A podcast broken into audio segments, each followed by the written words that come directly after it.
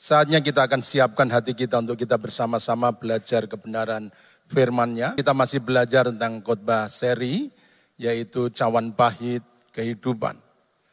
Dan hari ini kita akan masuk pada seri yang kelima. Saudara-saudaraku yang dikasih oleh Tuhan kita Yesus Kristus. Siap atau tidak siap dalam kehidupan ini memang kadang-kadang kita harus bersedia untuk menelan, meminum, memakan hal-hal yang tidak menyenangkan.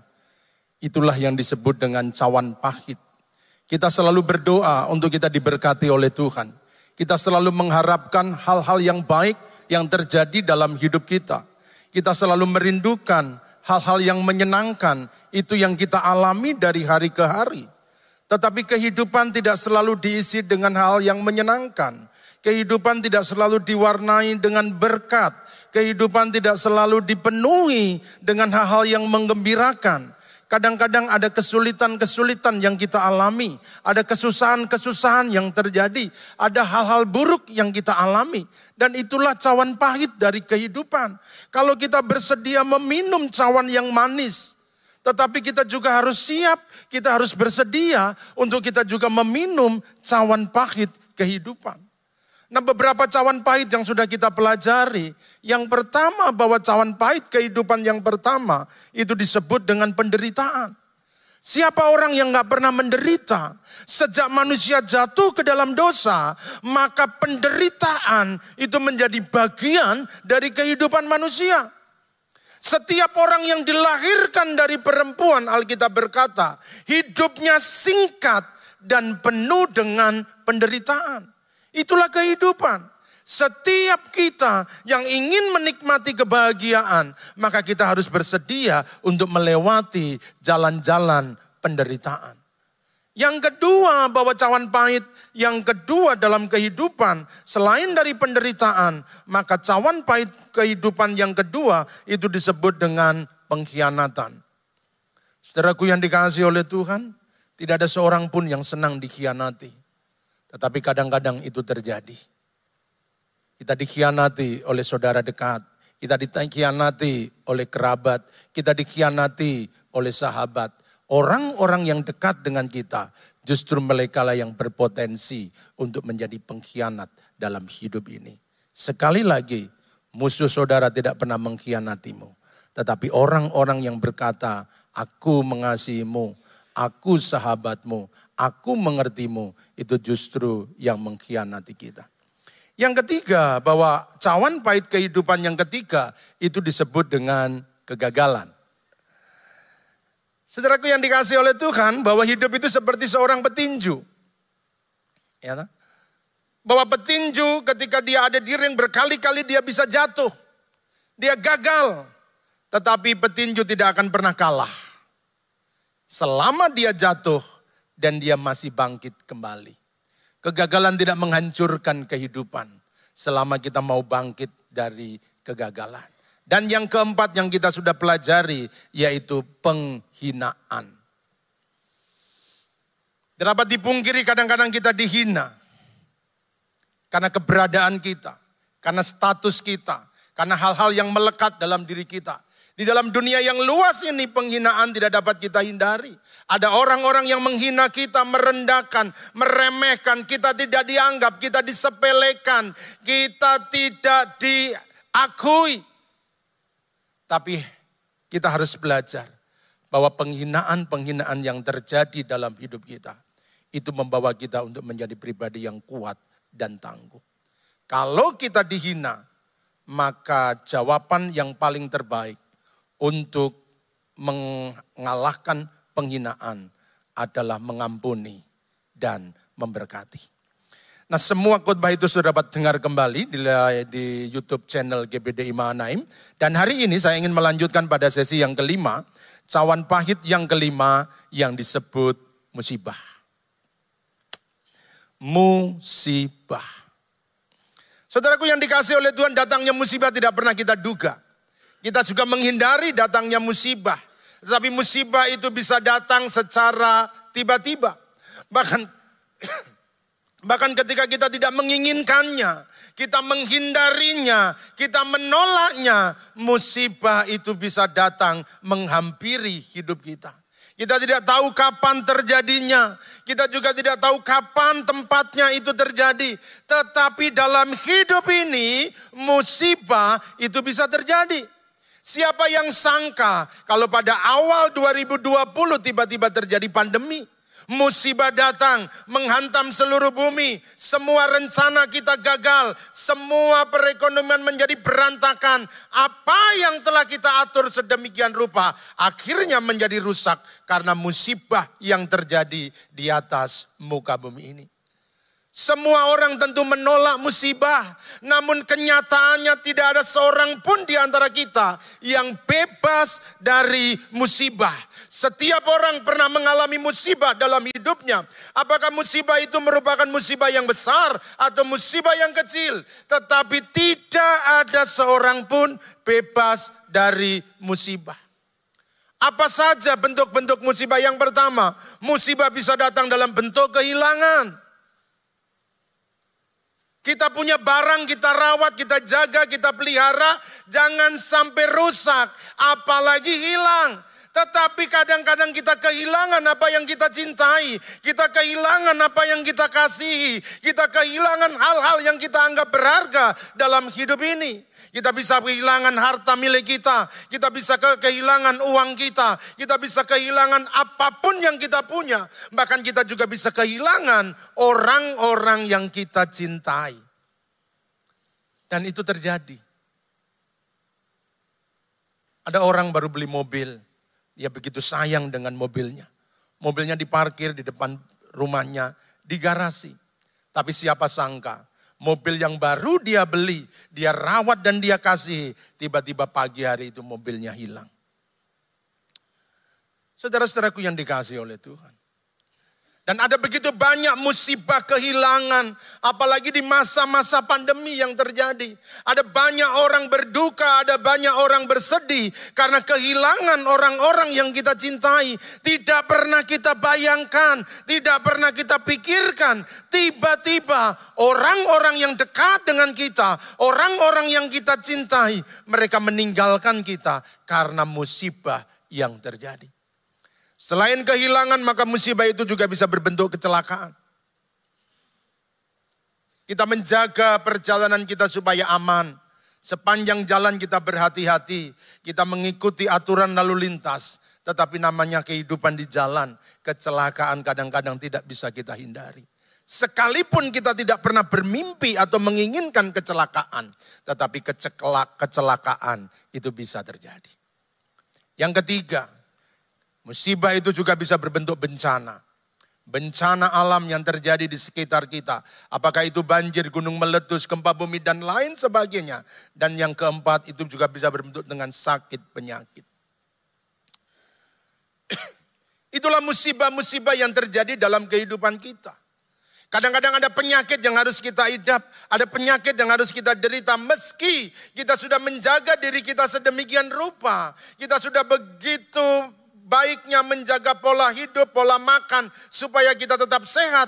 Tetapi penyakit kalau datang kadang-kadang kita tidak bisa menolaknya. Jumat yang lalu tiba-tiba saya demam tinggi. Sehingga tidak mungkin lagi untuk aktivitas saya izin kantor. Saya obati tetapi panas nggak turun. Sampai hari Sabtu nggak turun. Demam dan sepanjang minggu ini rasanya badan belum fit. Tetapi itulah kehidupan. Kita tidak bisa menghindari, kita tidak bisa menolaknya. Memang dalam hidup ini mau tidak mau akan ada yang namanya musibah. Apakah musibah itu hal yang besar atau hal yang kecil? Tetapi musibah bisa datang kepada semua orang tanpa mengenal siapa dia. Apakah dia orang besar atau orang kecil? Apakah dia anak-anak atau dewasa? Semua orang bisa mengalami musibah. Dan kalau bicara dengan musibah, maka Alkitab memberikan banyak contoh orang-orang yang mengalami musibah. Dan pagi hari ini saya ingin mengajak kita untuk belajar bersama-sama. Seorang yang mengalami musibah bertubi-tubi dalam hidupnya.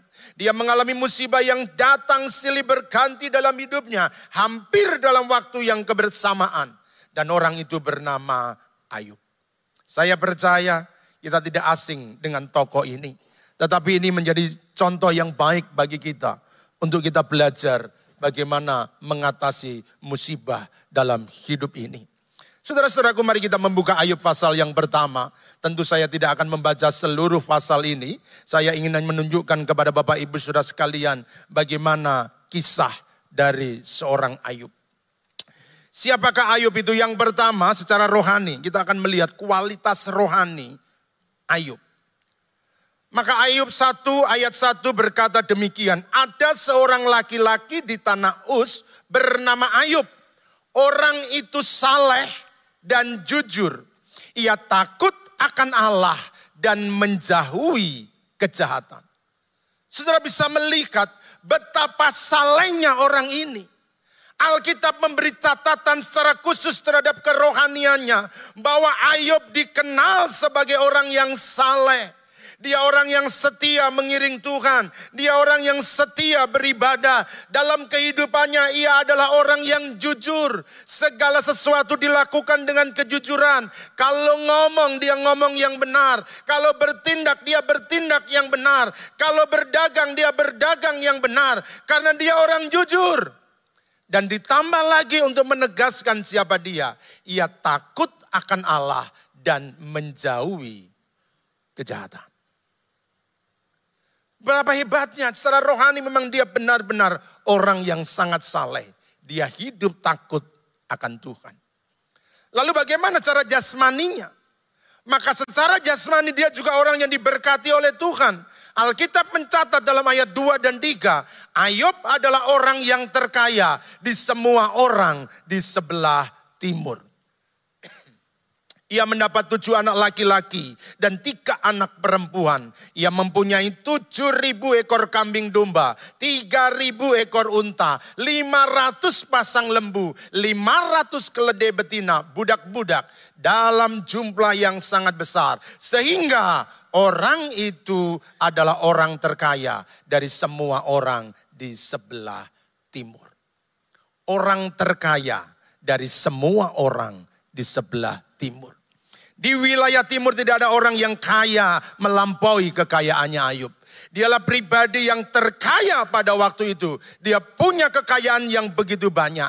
Saleh, jujur, takut akan Tuhan. Dan diberkati secara jasmani. Tetapi apa yang dialaminya?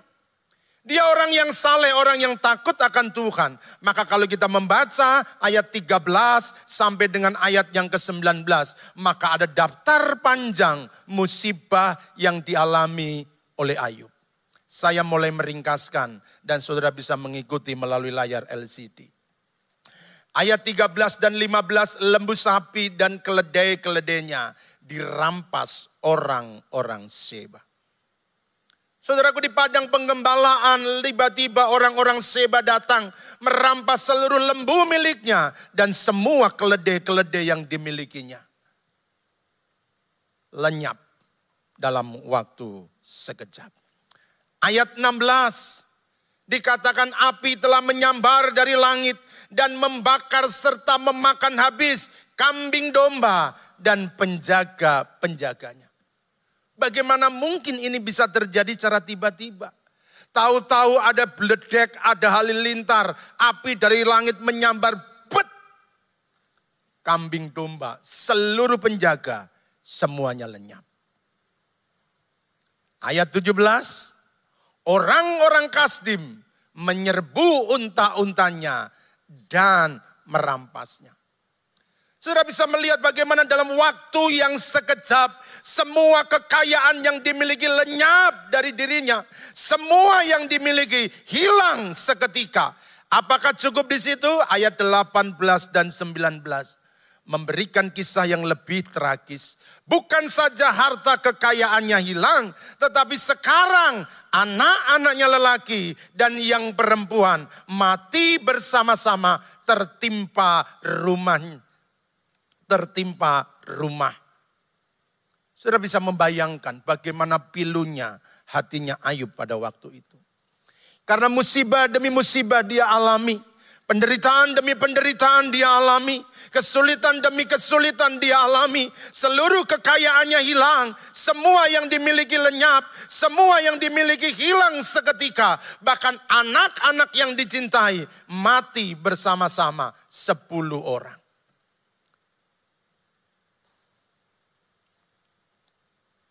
Tapi itulah kenyataannya. Orang yang benar tidak bebas dari musibah. Orang yang takut akan Tuhan tidak bebas dari cawan pahit kehidupan. Kedekatannya dengan Tuhan, cintanya kepada Tuhan, kesetiaannya kepada Tuhan, tidak serta-merta Allah menjaga, melindunginya, sehingga dilalukan dari musibah, dilalukan dari penderitaan, dilalukan dari hal yang buruk. Tidak. Maka itu orang yang takut akan Tuhan ataukah orang yang jahat, musibah bisa datang dan menimpa siapa saja. Musibah tidak pernah memilih orang. Bahkan Ayub orang yang saleh, benar dan jujur akan Tuhan. Dia juga tidak luput dari musibah. Saudara-saudaraku yang dikasih oleh Tuhan. Tidak ada orang yang kebal terhadap musibah. Siapa saja bisa mengalami musibah Baik orang benar maupun orang jahat. Barangkali pagi hari ini sementara saudara mendengarkan firman Tuhan. Saudara juga sedang mengalami musibah. Ada hal yang buruk yang sedang terjadi dalam hidup saudara. Ada kehilangan-kehilangan yang sedang mulai terjadi dalam hidup saudara. Saudara kehilangan banyak hal dalam hidup ini. Ada harta milik saudara hilang. Ada kekayaan saudara hilang. Ada kesehatan saudara hilang. Ada harapan-harapan saudara hilang. Ada impian-impian saudara hilang. Karena datangnya musibah di dalam hidup kita. Musibah memang tidak dapat kita hindari. Tetapi yang penting bukan bagaimana musibah itu terjadi. Tetapi bagaimana cara kita mengatasi musibah yang kita alami. Cawan pahit memang kadang-kadang datang dalam hidup kita.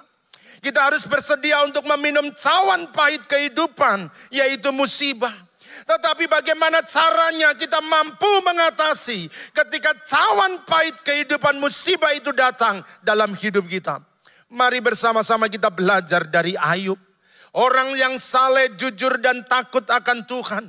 Bagaimana dia bisa mengatasi musibah yang terjadi dalam dirinya. Dan kiranya itu menjadi kekuatan bagi setiap kita. Untuk kita juga mampu mengatasi musibah yang terjadi dalam hidup ini. Nah saya ingin mengajak saudara untuk kita belajar bersama-sama siang hari ini. Kalau saudara sedang menghadapi cawan pahit kehidupan, yaitu musibah yang harus saudara telan. Mari kita belajar dari Ayub bagaimana cara Ayub meminum cawan pahit kehidupan yang disebut dengan musibah. Yang pertama, ini yang dilakukan oleh Ayub. Bangkit dan berdiri di atas musibah.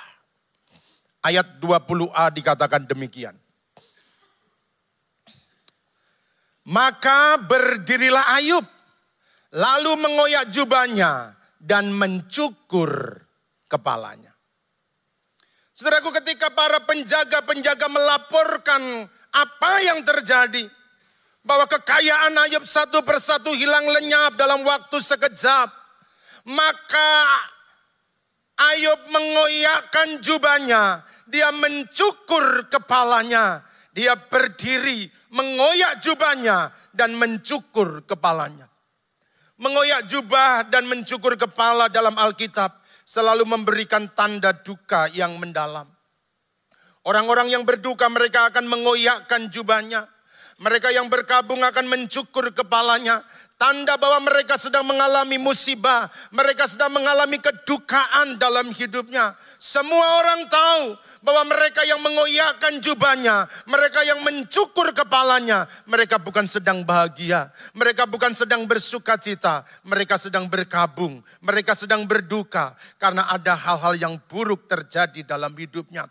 Dan itulah yang dilakukan oleh Ayub. Ketika dia mendengar laporan demi laporan bahwa kambing domba, lembu sapi, unta-unta, keledai dirampas orang. dan sepuluh anaknya mati bersama-sama, maka yang bisa dilakukan adalah mengoyakkan jubahnya dan mencukur kepalanya. Saudara-saudaraku yang dikasih oleh Tuhan, siapa yang tidak berduka kalau semua kekayaan hilang dalam waktu sekejap? Siapa yang tidak akan sedih jika sepuluh anak meninggal seketika di tempat dan waktu yang sama? Tidak akan ada orang yang tahan menghadapi musibah seperti yang dialami oleh Ayub. Ayub mengalami duka yang mendalam atas kehilangan dan kematian anak-anaknya. Itulah sebabnya ia berduka, ia menangis atas apa yang dialaminya. Tidak salah kita menangis kalau musibah itu datang. Tidak salah engkau berteriak kalau musibah itu datang. Sebab tidak ada orang-orang yang hebat yang tanpa pernah menangis. Tidak ada orang-orang yang kuat yang tanpa pernah menangis ketika musibah itu datang.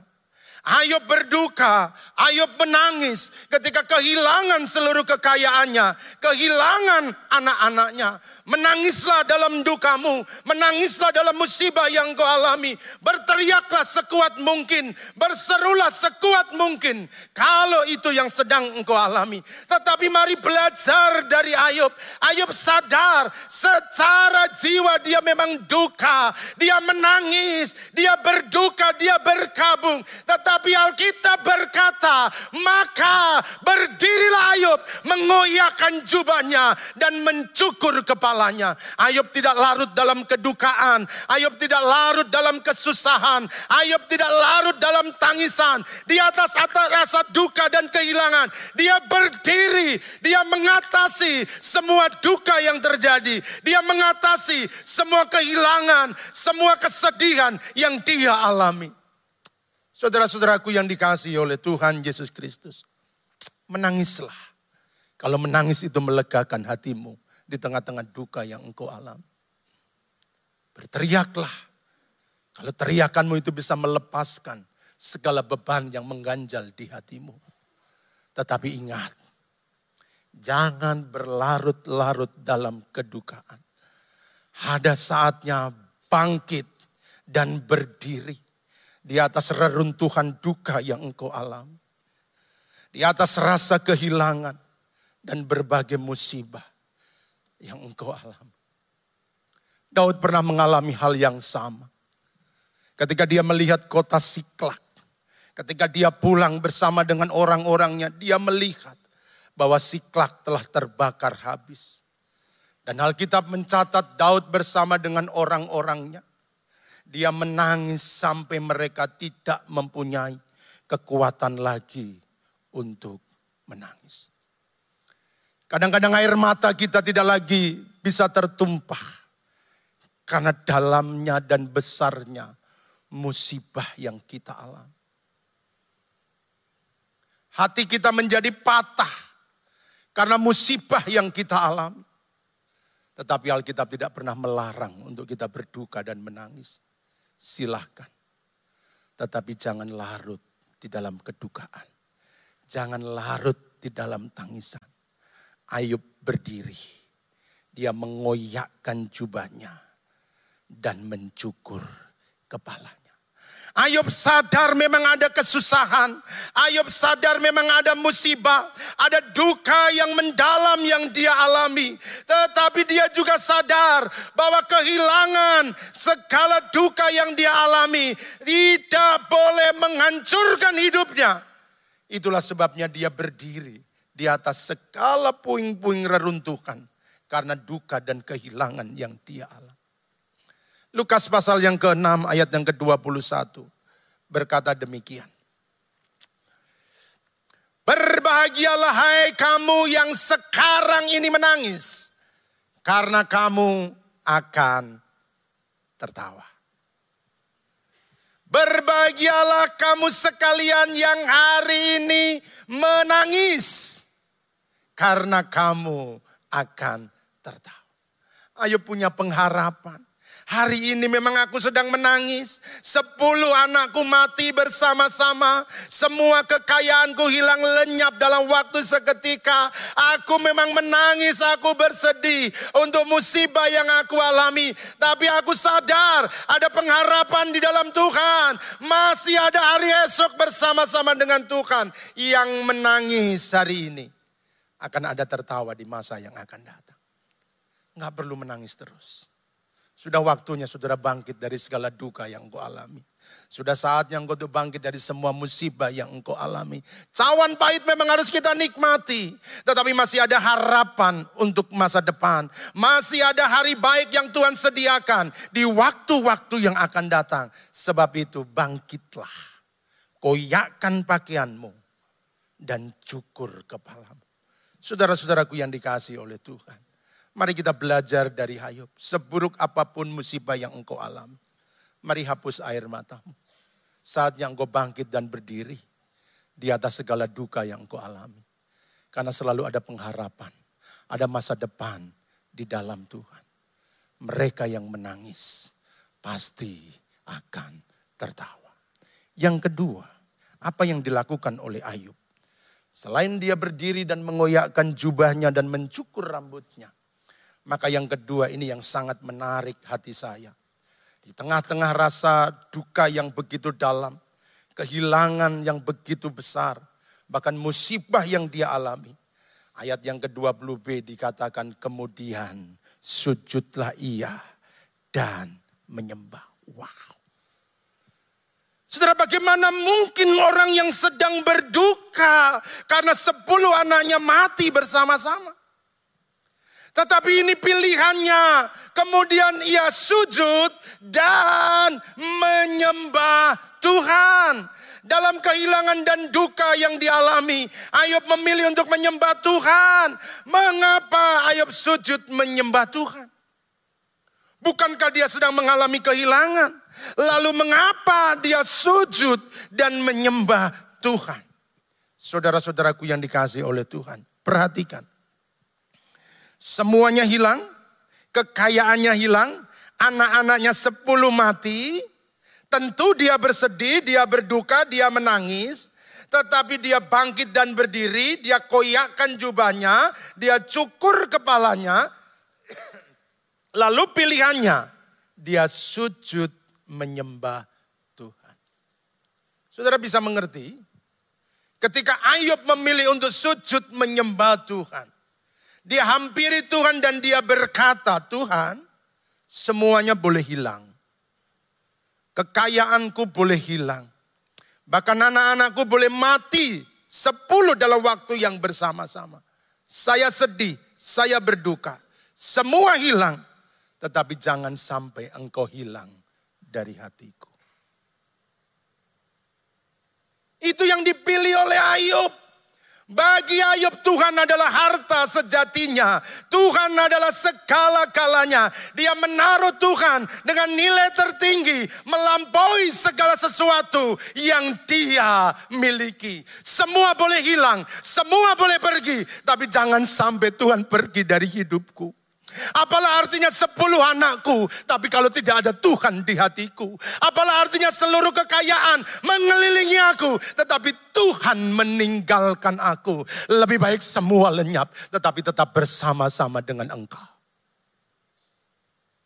Iman yang demikian ini yang luar biasa yang dimiliki oleh Ayub. Nah bagaimana dengan kita? Apa yang kita lakukan ketika musibah terjadi? Ketika Tuhan mengizinkan kehilangan dalam hidup kita? Bukankah kita terlalu sibuk untuk mencari yang hilang?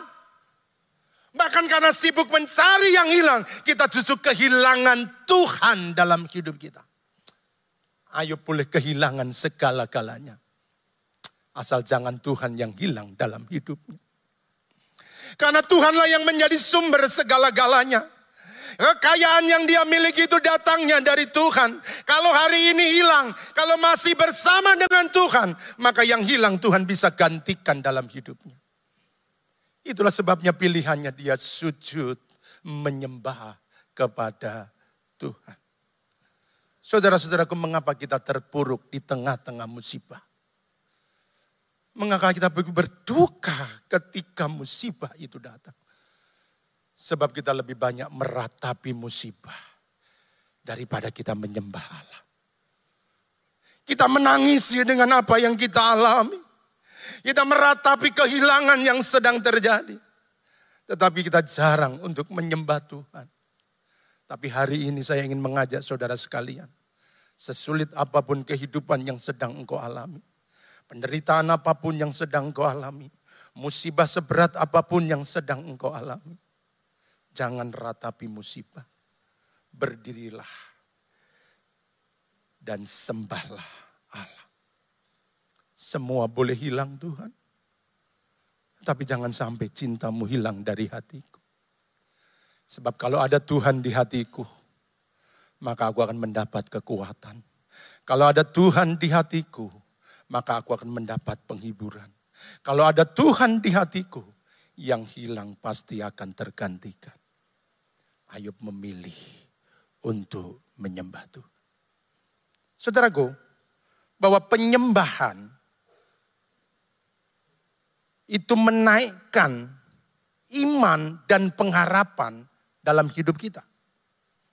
Sekali lagi, penyembahan itu menaikkan iman dan pengharapan dalam hidup kita. Nah, ketika iman dan pengharapan itu bertemu di dalam penyembahan, maka akan lahir yang namanya kuasa. Sudah bisa mengerti? Bahwa ketika iman dan pengharapan itu bertemu di dalam penyembahan, maka iman dan pengharapan itu akan melahirkan kuasa di dalam hidup kita. Contohnya begini, yang real, ya. Saudara sedang mengalami kedukaan yang begitu mendalam karena kehilangan banyak hal. Lalu di tengah-tengah rasa duka yang engkau alami, engkau mulai menyembah Tuhan. Nah ketika engkau menyembah Tuhan, engkau sedang memperkatakan sifat-sifat Tuhan. Engkau sedang memperkatakan apa yang Tuhan kerjakan dalam hidup kita. Contohnya, saudara sedang mengalami kesusahan. Lalu saudara memilih untuk menyembah Tuhan. Di dalam penyembahan engkau berkata, Tuhan engkau baik. Tuhan engkau baik. Nah saudara ketika engkau berkata Tuhan itu baik, maka imanmu sedang naik untuk meyakini bahwa benar Tuhan itu baik meski dalam kedukaan. Dan pengharapanmu juga sedang naik. Bahwa di tengah-tengah duka selalu ada kebaikan yang Tuhan nyatakan. Nah ketika iman dan pengharapan ini bertemu, maka akan lahir kuasa. Ketika saudara berkata Tuhan itu baik. Sehingga itu berjumpa dalam penyembahanmu akan melahirkan kuasa. Di dalam doa dan penyembahanmu engkau akan menerima kekuatan. Yes, memang Tuhan baik. Aku memang berduka tapi Tuhan baik. Aku tidak hanya mengatakan, tetapi sekarang aku merasakan bahwa benar-benar Tuhan itu baik. Di tengah duka, kehilangan, masalah, musibah yang aku alami, selalu ada kebaikan yang Tuhan ingin kerjakan. Tuhan baik. Untuk selama-lamanya dia baik. Sehingga saudara punya kekuatan baru untuk menghadapi hal-hal yang sulit dalam hidup ini. Itulah sebabnya mari kita belajar dari Ayub. Bahwa di tengah-tengah rasa kehilangan dan musibah yang dia alami. Dia memilih untuk menyembah Tuhan.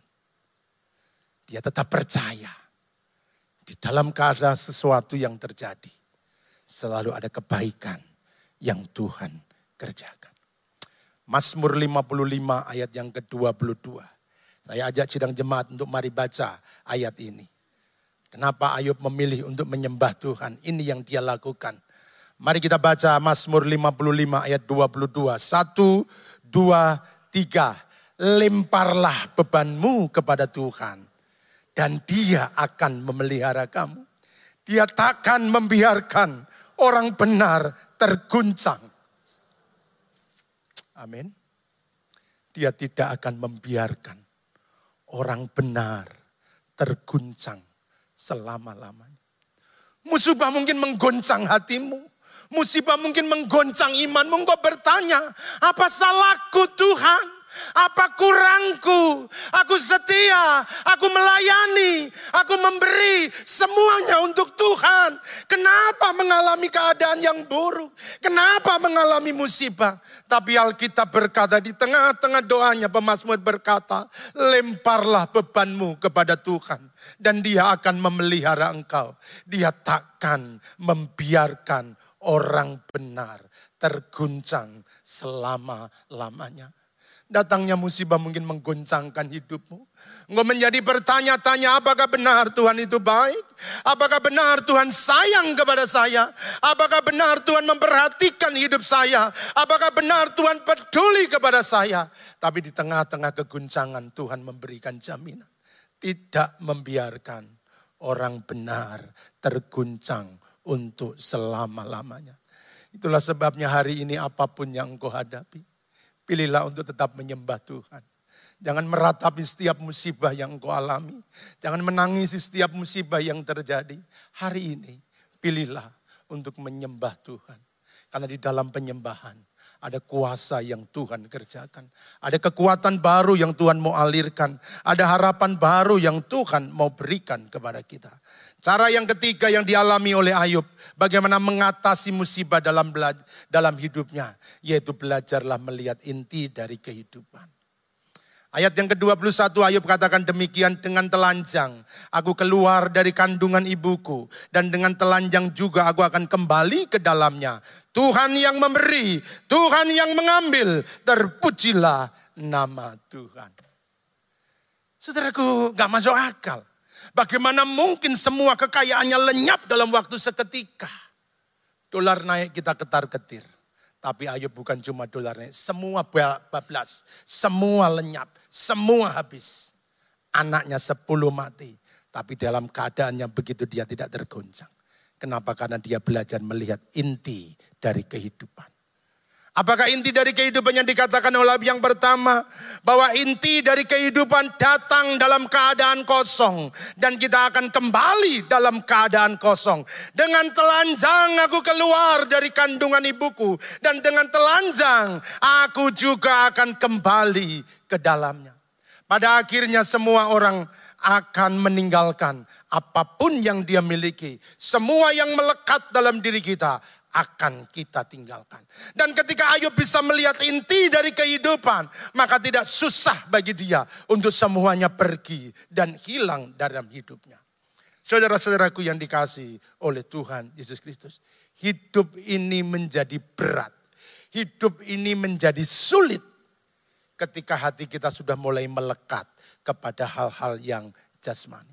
Ketika kita sudah merasa memiliki dan itu hidup kita menjadi sulit.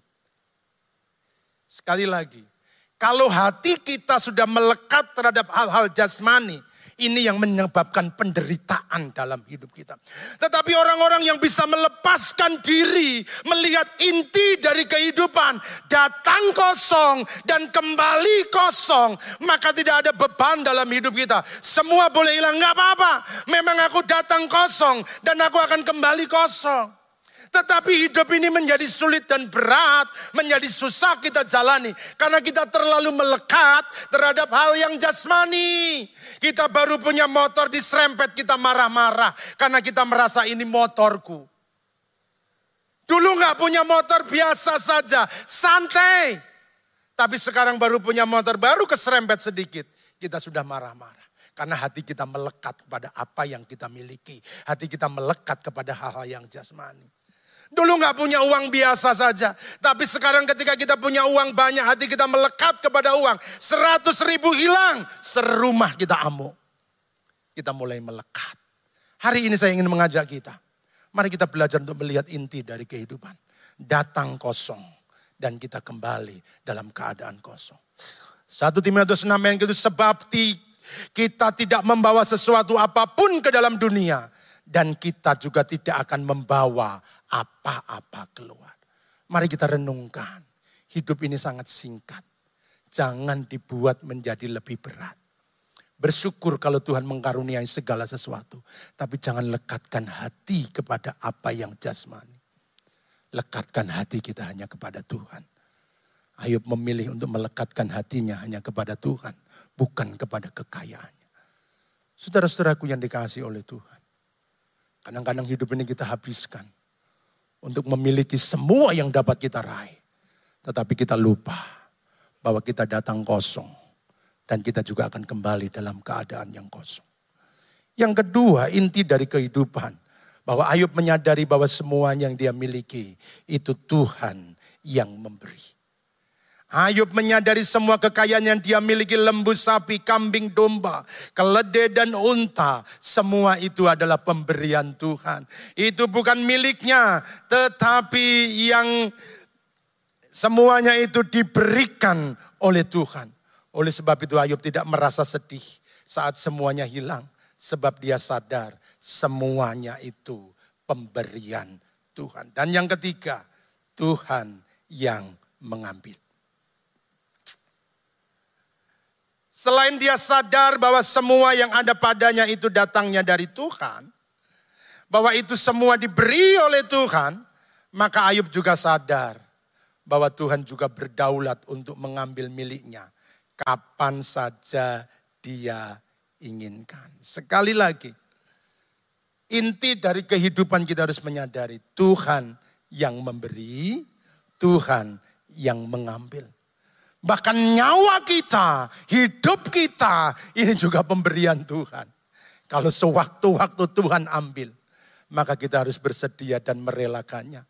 Memang kita bukan pemilik kehidupan. Yang punya kehidupan itu adalah Tuhan. Oleh sebab itu jangan terlalu erat untuk menggenggam. Izinkan semua datang dari Tuhan. Dan biarlah kembali kepada Tuhan. Seperti yang dikatakan dalam Roma 11 ayat 36. Sebab segala sesuatu adalah dari dia, oleh dia, dan kepada dialah kemuliaan sampai selama-lamanya. Saudara kalau kita bisa memahami inti dari kehidupan maka hidup ini akan dipenuhi dengan syukur. Punya berkat banyak kita bersyukur. Punya berkat sedikit kita bersyukur. Karena semua Tuhan yang memberi. Tuhan yang membagi. Oleh sebab itu syukuri dan nikmati hidup ini. Jangan sampai hati kita melekat kepada hal yang jasmani. Lekatkan hati kita hanya kepada dia sang pemberi kehidupan. Dan yang terakhir, bagaimana Ayub mengatasi masalahnya belajarlah mempercayai Tuhan sepenuhnya. Ayat yang ke-22 dikatakan demikian.